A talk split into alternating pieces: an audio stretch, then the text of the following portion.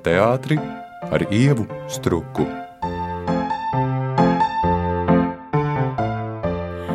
Šņurbēniņu jauno sezonu mēs sākam uh, tiekoties ar jaunā Rīgas teātra aktieru Andriu Keišu, bet šoreiz tomēr tā saruna pirmām kārtām un galvenokārt būs par darbu, kas ir tapis trimdā, varētu teikt, jeb blakus mājā vai tālākā mājā, proti, mūzikas namā Daila, par izrādi, kas bija iecerēta jau senāk uz Ojāra vācieša dzimšanas dienu, proti, suni ārā nedzenama nakts.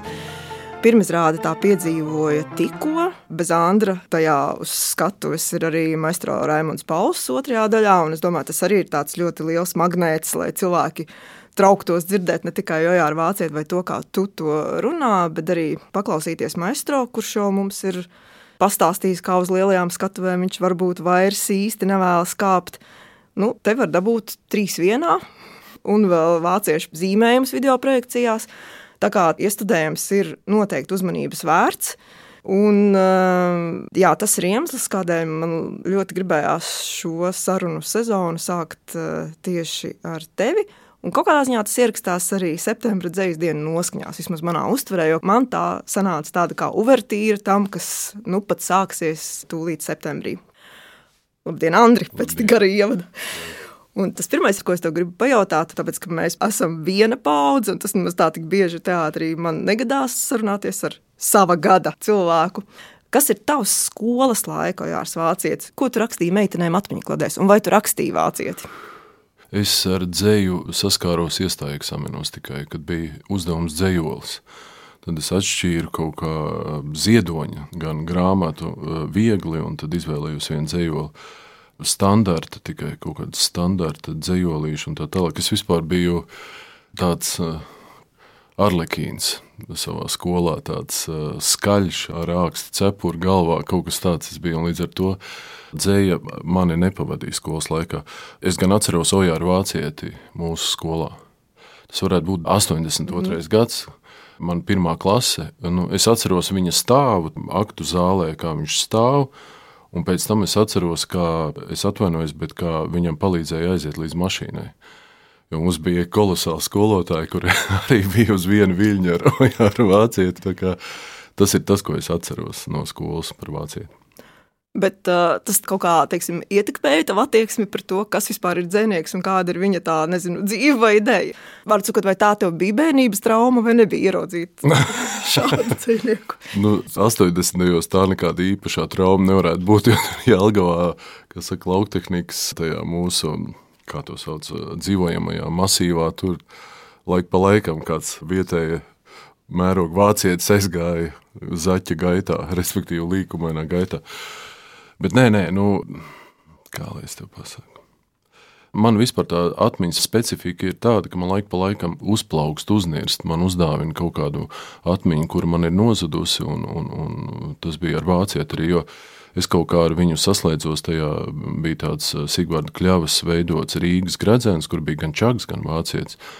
Un uh, tad es sāku domāt, ka varētu būt laba tā izrāde, Un man sapnī atnāca arī Ojārs Vācietis, un man likās, um, es vēl tā esmu, tā kā es tos dzējoļus atlasu par to, ka neeksistē kā saka, īsti laiks un neeksistē īsti mūsu dzīvošanas telpa, ka mēs visi kaut kur esam un pēc nāves mēs esam un arī mūsos ir visi nomirušie. Nu, tā, tā tēma tāda liela, kas viņa dzējoļos skan, un tad man pēkšņi atnāca viņš uh, sapņos, un tas bija pirms iecerētās pirmizrādes. Un tad, protams, tas noplaka. Un izrādās ir tā, ka, ja tu kaut ko lielu saproti, un es vāciešu gadījumā sapratu lielu lietu, tas tev paceļ spārnos, un tu lido, un tu esi laimīgs. Bet pirmizrāde nenotika, un tagad uh, sanāk pēc kaut kāda nepilna gada tā notiek, un es biju tā kā atzisis, un, un man likās, nu, kas tagad būs, bet tie skatītāji atnes man atpakaļ to sajūtu, ko es ļoti, ļoti gribēju nodot. Par tiem sapņiem, starp citu, arī es biju iecerējis pajautāt, bet abu tavu atveidoto varoņu kontekstā, arī smilģa. Proti, ja tu kādā tēmā ieej tiešām pamatīgi dziļi iekšā, un pilnīgi skaidrs, ka arī pētot smilģi, nu, tu nevari nospēlēt viņu tik labi, neejot pēc būtības dziļi. Kas tiešām notiek tajā zemapziņā, cik lielā mērā šie cilvēki ir ar tevi arī tad, kad tu guli, un vai tev arī smilģis nav nācis sapņos, jo es esmu saskārusies šādu situāciju, ka tu pat īsti nedomā, bet vienkārši ir nāk. Jā, nu, tu uzdod jautājumu, man, kāpēc šarmuļi ir pār kauliem, bet par smilģi es nevarēšu tev precīzi pateikt, ka viņš man trobelēja. Lai gan viņš ir izsludināts trobelētājs, ka smilģa gars, atsakot, vazājas pa daili un tā tālāk. Nu, es to nejūtu, jo atšķirības starp smilģu un ojāru ir tā, man kā māksliniekam, ir tā, ka Suni ārā nedzenama nakts ir pirmais darbs, kurš notiek absolūti patstāvīgi. Jo es vienmēr esmu, kā aktieris, gājis līdzi, un es nekad nebūtu izdomājis, ka ir jātaisa par smilģi kaut kas. Gata aicināts, es tam pieslēdzos.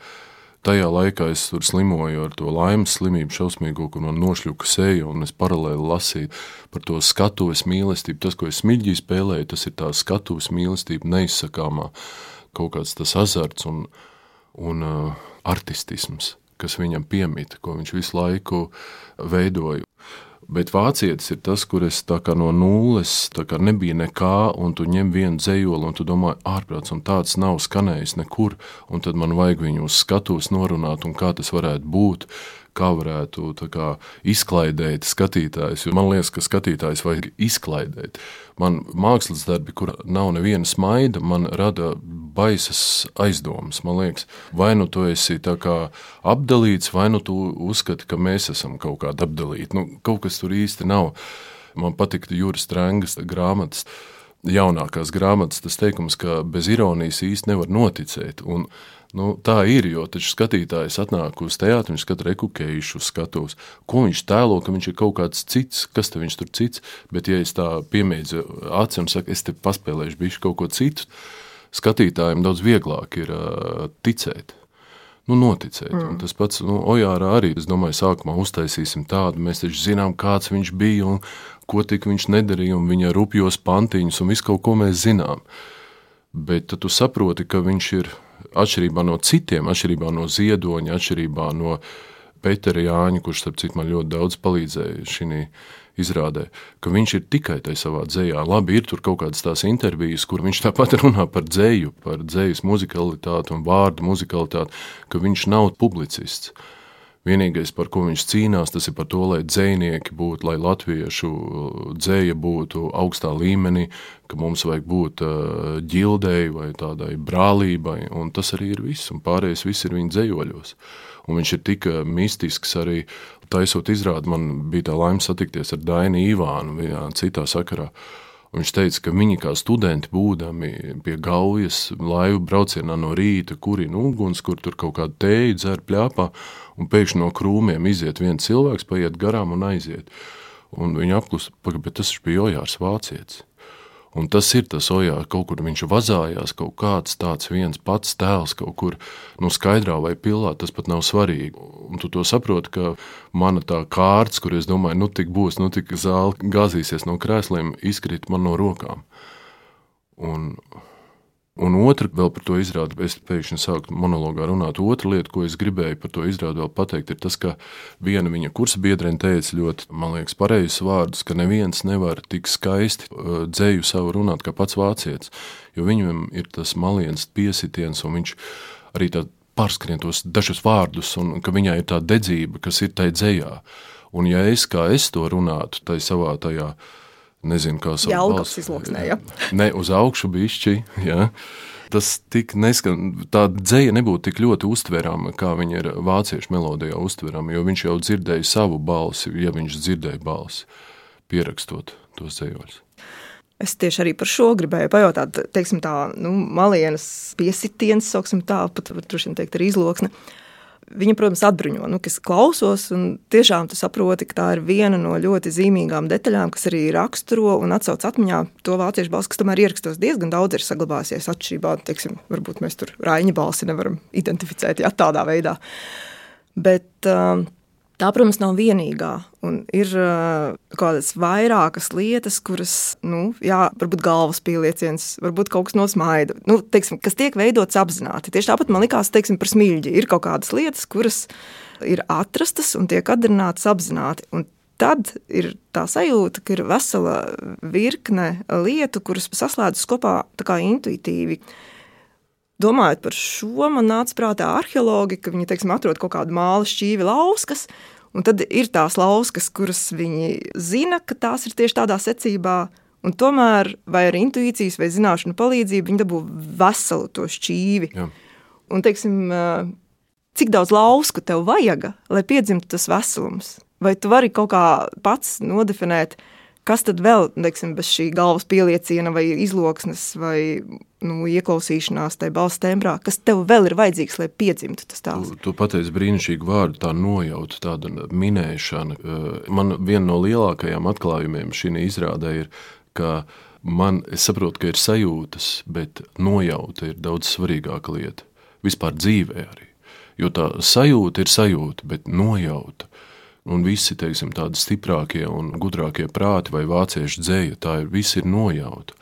Pūt vējiņi, tā ir nojauta, un arī tas melnais diegs lejā un vabolēni, ar ko es spēlējos, nu, viņš kaut kur iztēlojas, ka viņš ir augšā un nojauš kaut kādu sajūtu. Un, un, un, to ielikt zejolī. Bet par to tēlu es tev varu pastāstīt. Bija tāda joku filma, nu tāpat nebija filma, bet rotaļu kino un mēs, un es tur spēlēju vienu operatoru Jāni Briedi, Džoni, vārds sakot. Un uz pirmizrādi bija Džoņa meita, viņa teica, izspļauts mans tēvs, izspļauts. Es Džonu Briedi biju redzējis tikai fotografijā, bet es biju saskāries, piemēram, ar Hariju Kukeli. Un viņš ir no tās vecās raudzes, no tiem vecajiem operatoriem, kuri nebija gluži atturībnieki un kuri bija ļoti skarbi un šērpi. No, saprot, man kukels tā uzbļāva virsū, es gandrīz vai sastingu. Viņš, kur tu ej? Un, tu sap... un es to kukeli un tos pāris stāstus, kā Džons ir uzvedies, saliku kopā un izrādās, ka tas ir ļoti precīzi.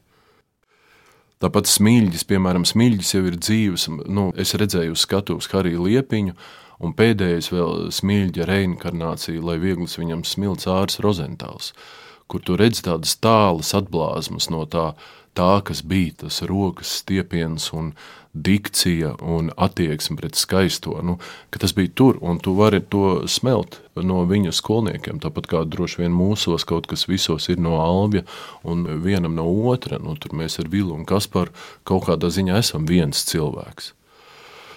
Šitā es nebiju paskatījusies uz jūsu ansambli. Tas varētu nu, jā, jo mūsu labā, joki jā, jā. un mūsu tas tā kā brāļi Koēni filmē, un kāds no aktieriem teica, nu, var, vai vienam vai otram prasīt atbild būs tā pati, un mums ir kaut kas līdzīgs tomēr. Nu, mums arī ir bijuši katram sava tā niša, jā, jā. Šai sakrībā arī ļoti līdzīgi stāvot pie radio durvīm prātoja par to, ka tā, ka mēs strādājam ar Kirillu Srebrņikovu pie Rāņa sapņiem, lai cik grūti to atzīt, bet principā es varu atzīt, ka viņam nemaz nebija tik ļoti sarežģīti taisīt izrādi par Raini, nezinot Raini. Tādēļ, ka, kā viņš pats teica, jebkurš ģēnijs savā dziļākajā būtībā, viņš ir vienāds. Nu, viņi līdzinās viens otram. Mm -hmm. Viņiem sāp līdzīgas lietas, viņu pasaules uztvere ir sāsināta apmēram vienā pakāpē, Un ka tādā ziņā cilvēks nemainās. Un tu vari tiešām rāņa vietā ielikt puški, nu, pamainīt, teiksim, ārējās detaļas, jo, protams, tā vide mainās. Latvija vai Krievija vai, nezinu, Francija, par kādu franču mm -hmm, dižgaru taisot. Mm -hmm.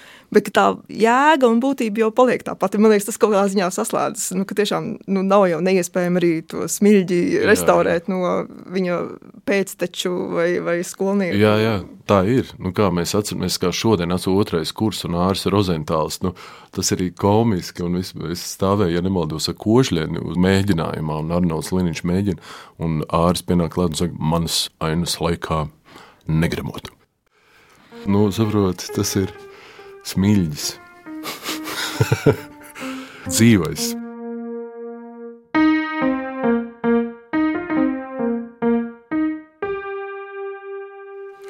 Bet atgriežoties pie šīm ģēnija izjūtām, protams, par vācieti, bet varam arī par smilģi šo pašu jautājumu attiecināt. Kā tev šķiet, kas šāda mēroga cilvēkiem sāp vairāk? Viņu pašu nepilnība attiecībā pret pasauli, jeb uh, pasaule ir tā, kas viņiem sāp. Respektīvi, vai viņš pats ir centrā tam, kāpēc vispār viņš raksta, vai kāpēc vispār viņš iestudē. Vai, nu, nu, viņš citādāk, ja mēs runājam par Ojāru, viņš jau citādāk nevarēja. Jo tas, ko mēs izrādē izmantojam, viņa zīmējums, tie ir psihoanalīzes cienīgi zīmējumi. Jo ir taču tā daļa psihoanalītiķa, kur bērniņiem pa, nu, pa, uzzīmē kaut ko un tad skatās, kas ar to bērnu ir. Un tas pats ir ar tiem zīmējumiem. Un man jāatzīstas, ka es aizgāju pie viena speciālista ar tiem zīmējumiem, un paldies Dievam, tas speciālists nezināja, kas to ir uzzīmējis, un viņš man sāka stāstīt par to personību. Un, ja ieskatās tajos zīmējumos, tad gandrīz vai katram ir apkārt 3-4 gredzeni. Tātad viņš ir absolūti noslēgts sevī. Viņš ir tas, kas staigā gar to gaujas krastu un, un sēž jauna forša kompānija. Viņš viņam pat labdien nepasaka. Viņš jau neizdomā pirms tam, kāds tas zīmējums būs, bet viņam kaut kā zīmējas viņš, un līdz ar to uzzīmējas tas, kas viņā ir iekšā. Tie ir tādi kristālīgi, sakārtoti, ārkārtīgi tās šķautnes, kas nozīmē, ka viņš absolūti ir pārliecināts par sevi, uz simt procentu viņš zina, un neviens viņam neko nekādā veidā neietekmēs viņa dzīves uztveri un viņa dzīves attieksmi pret pasauli. Es domāju, ka viņš uzskatīja, ka viņš ir uh, absolūti izcils dzēnieks. Es domāju, ka viņš pats to saprata, un viņš saprata, ka viņš ir labākais, bet nu, viņš kā, ļāva, nu, viņš arī ļoti, ļoti priecājās, patiesi priecājās arī par citiem dzēniekiem. Bet arī, protams, tas cilvēks teica, ka tur varētu būt baigi grūtā psihe, tam cilvēkam, kas zīmēs, respektīvi ojāram. Līdz ar to viņš palīdzējis sev ar to dropēšanu. Un līdz ar to es tā iztēlojos. Un kaut kad, kad es sāku lasīt, un pēc tās vizītes, es sev noformulēju, ka tas ir cilvēks, kurš par dzēju latviešu valodā atdeva dzīvību. Jo nu, viņš pēc idejas varēja aiziet pie doktoriem un pastāstīt, ka viņam nu, ne, es īsti pagulēt neko, un man agri jāceļas, un man grūti ir. Un, nu, viņš taču cēlās, tur kurināja to krāsni, un tā tā. Nu, viņš ir nervu kamols dzīvojis. Viņam iedot tabletīti un būtu labi, bet tad arī nebūtu dzējoļi. Un, nu, jā, tie zīmējumi man ļoti daudz ko, daudz ko tā kā tā saruna man ļoti daudz ko iedeva. Tā arī varētu būt, spriežot pēc visas, spriežot pēc atmiņām kāds viņš bija sabiedrība, kā viņš sāka jautrs, tur kā skolēns, kā students, jautrs, pārgalvīgs, sabiedrības dvēseli un tā tālāk. Un beigās viņš tā kā mēs visu pagājušo gadu nosēdējām mājās un, un ja laba dzējoļa zvanīja kādam, un, un es pieļauju, ka, nu, es iedomājos, ja man piezvan divos naktī un sāk runāt dzēju, Oi, nu, es domāju, ka viņš tur nomocīja. Ja būtu mobīlie telefoni, kur uzrādās Ojārs Vācietis, varbūt kāds arī nepaceltu tais divos šobrīd. Jā, jā, tā kā es domāju, ka viņš bija pašpietiekams absolūti, bet nu, viņš saprata to, ka viņam sanāk, un viņš visu laiku dzīvoja tajā dzējā. Nu. Varbūt mūs arī tas paglāba, ka viņš bija tik eh, nepiemērots ne īsti karjerai, Jo pēc idejas tu taču vari, var sakot, pāriet uz krievu valodu, un tad tev ir milzīga auditorija, tev ir daudz naudas un viss, bet viņš vienkārši bija pārāk nepieslēdzies pasaulē, manuprāt. Tā ir vienai pasaules daļai, protams, un otrai pasaules daļai viņš bija pieslēdzies tā, kā vispār to grūti iztēloties, kā tā var pieslēgties. Nu, zini kā, apmēram tā es arī sajūtu to pirmo daļu, ne par veltis par viņu tev arī teicu, ka tas, man liekas, ir viens no tādiem precīzākajiem lasījumiem. Jo, kā mēs zinām, aktieri lasa, ja runā dzēju tā, ka paši dzinieki nemaz tik laimīgi nav. Tur tomēr bišķi tā vai asinsrite vai, vai vispār tas, ka ir kaut kāds svešķermenis, kas iejaucas tajā tavā tekstā, nu, jā, tas, man liekas, ļoti sarežģīta arī faktiski tēma un, un droši vien garākam pētījumam vai nopietnākam tas būtu, bet Bet jā, es ļoti, ļoti augstu novērtēju tieši šo lasījumu pirmās daļas. Bet runāt par pirmo daļu, pirms mēs pārējām pie otrās, kā tu izvēlējies dzēju, to kā atbildēji, ņemot vērā šo tēmu, kura tieši šobrīd divas tev ir svarīga. Divas. Jā. Pirmā tēma ir tie Rīgas akmeņi, kas mm. man absolūti satriec, ka iet gulēt, kliņķis iet gulēt uz dzelzs raktuvēm, un katrs akmens, es kaut kādu laiku par Rīgu īsti nevarēju pastaigāt. Viens ir no Latgales, viens no Somijas, viens no Zviedrijas, viens no kaut kurienes vēl atnācis, un ņemot vērā, ka viņi vispār pašā sākumā bija tie akmeņi, tā lava, kur ir sastingusi tas ojāra, tas lielais ceļš, un tas bija tāds, ka pievest pie tā, pie tā, ka nav laika, ka tava māsa ir tava mamma vienlaicīgi, nu, pievest pie tās otras daļas, tās radīšanas un tā mirkļa novērtēšanas, tās sastingšanas un, sastingšanas mirkļa priekšā. Es pakustēties nevaru kā lapa no pērkona lietus, hipnotiskā tuvuma. Nu, par to tā izvēle pārējā. Jā, bet uh, par tām sarunām, jo Ah, tā jā, jā. uh, izrādās, ka arī inscenētas telefona sarunas. Nu, tomēr viņš zvanīja daudziem, un viņam zvanīja daudzi, un tu izvēlējies konkrētus cilvēkus. Nu, tomēr kāpēc? Petersons, tāpēc, ka viņš eh, bija haotisks cilvēks, kā mēs zinām, kā mēs redzam arī no video ierakstiem un tā tālāk. Un līdz ar to man bija svarīgi, lai sajūta, lai viņš pasaka, ka tev ir atlicis nedaudz laika. Kaut kā gribējās tā, ka viņam ir kaut kādas robežas, atkal viņi ieliek kaut kādā tādā plauktiņā, atkal kaut kā tur jābūt laikā un jārunā kaut kas, un nedrīkst tā, var sakot, izpausties kā tu gribi. Bet tas Petersons no sākuma, tāpēc, lai būtu tas eh, 40 minūtes uz skatuves, un pēc tam jau piezvanīja ķempe, kas, bija, kas viņu tur dripelēja visu laiku par to, ka viņš to padomu dzēju raksta. Kas arī ir īpatnēji, jo, teiksim, stāšanās komjaunatnē tu izlasi tādu absolūti patusālu dzējoli, kā jaunieši stājās un brauc un iestrēgs, bet viņa roka ceļu no sniega ārā un turpina braukt. Un pēc tam tu lasi viņa skolas biedra atmiņas, kā viņi brauc stāties komjaunatnē, kā iestrēga tā vēlspraustā mašīna, kā viņi tur raka ārā. Nu, faktiski tas ir dokumentāls dzējols, nevis poēzija. Un nu, ziedonis kā ziedonis. Un man no sākuma gan likās, es eh, neesmu radis, radīt viens, un tāpēc man likās, vajag man kaut kādu kompanionu. Mēs pieslēdzām, ir vecpiebalgā brīnišķīga muzejniece, es pat nezinu, kā nosaukt, Līva Gruduli. Un viņa man tā kā piepalīdzēja, un mēs kopā atsījām tas sarunas. Viņa teica, Ziedoni, nē, nu, to tiešām nē, nu, tur viņa tā vāciešu saraksta, un, un Vilisa Kaspar jau to izrāda uztaisījuši. Un, tad man likās, vai kaut kā tiešām tā pavisam kaut ko vienkāršu, nu, tad, lai iet uz krogu. Bet no otras puses, ziedonis jau pa krogiem nevazājas. Un tad pēkšņi, nu, kā Marijas ielā, kurš sēdēja visu laiku, tumšs un dziļš šis krogs kā akam, vai nu, čaks aizlaist uz, uz spilves lidostu ar vācieti pasēdēt. Un kaut kur jau viņi tur sēž kopā visi. Un tad, nu, tā tas lēnām sijājās, un tās sarunas bija garākas, un tad arī Emīls Dārziņš zvanīja. Bet tad izdomāju, ka vajag otrādāk, un uzreiz pavisam cits teksts radās. Tā, nu, kā jau tas ir radīšanā, tas kā atkal tā ir tā nojauta, ko mēs runājam. Ir sajūtas un ir nojauta. Un kaut kā tā nojauta, kas tev ved, ka tā vajag labāk, un tā būs sakarīgāk, un, un tā būs uztveramāk. Un, un galvenais, ka tas ir tiešām tas vācietis pie telefona, tas taču ir ārprāts. Caurām dienām viens pats sēž un runājas pa telefonu, un visiem zvana. Savukārt, runājot par mūziku un to, kas skan otrajā daļā, un maģistrā Raimonda Pauli, tad nu, vienkārši, lai es tev nejautātu, kā tad sākās sadarbība ar Raimondu Pauli, mm -hmm. tad es tev pajautāšu šādi, tāpat kā sākumā, kas bija skolas laika vācietis, kas ir tavs skolas laika Raimonds Pauls, jo nu, mēs tiešām uzaugām ar viņu.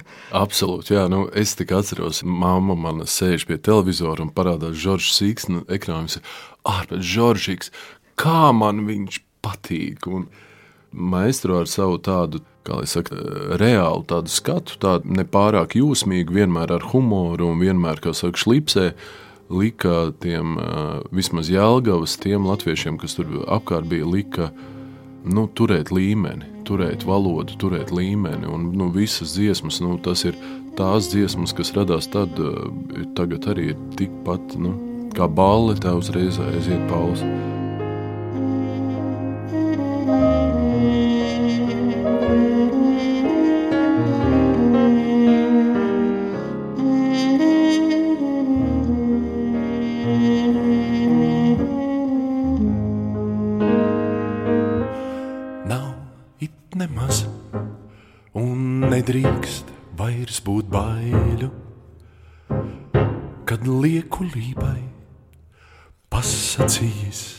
Nē, tu savu jūtu, patiesu un kailu, bez ceļa maizes aizlaid pasaulē. Tām nenomirs, jo patiesība nemirst, un neaizsargātība spēku dos. Gan nebakāts kāds to uz plašās zemes, no savas kopās donas pabārus. Laižu brīvē savus skumjos smieklus, un kaut gan viņu lidojums būs grūts. Tie kaut kur nolaidīsies, tā kā vieglums uz tikai mēnesis apspīdētas krūts. Uz tikai mēnesis apspīdētas krūts.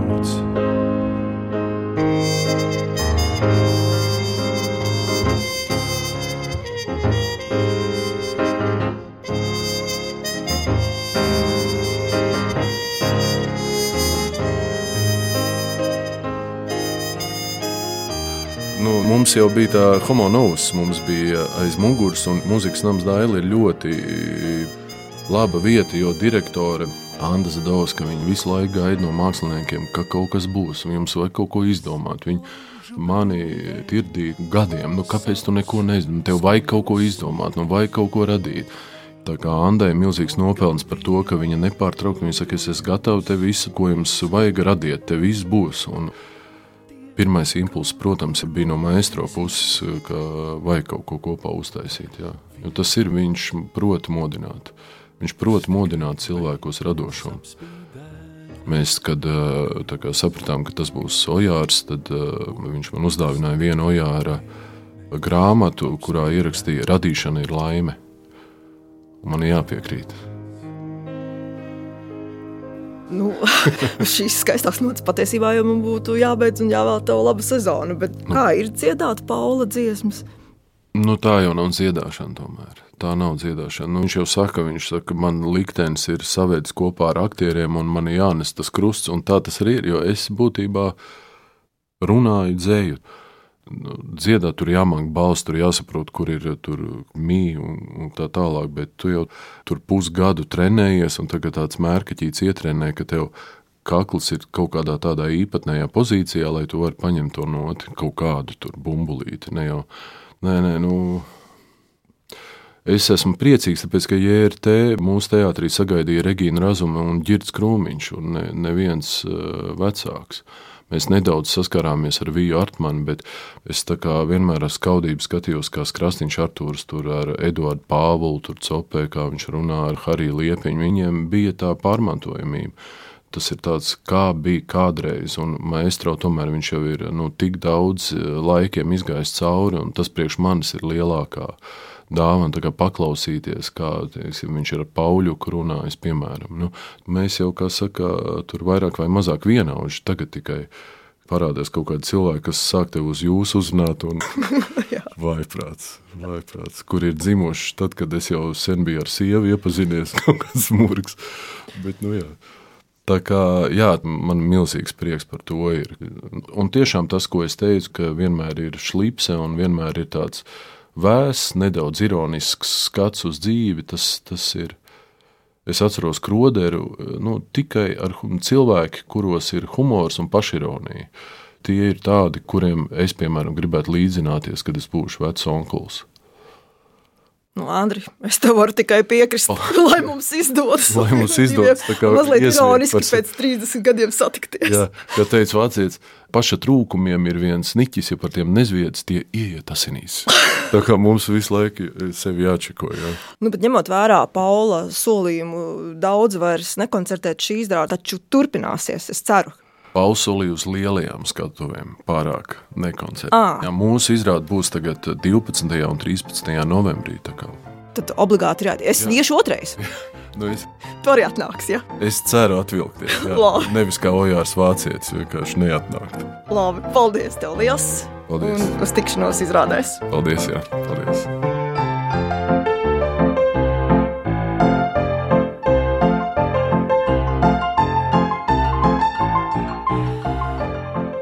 Šņurbēniņu pirmajā šīs sezonas raidījumā mēs tikāmies ar jaunā Rīgas teātra aktieru Andriu Keišu. Ar jums kopā bija Ieva Struka, raidījuma producente Sandra Ņetsvecka.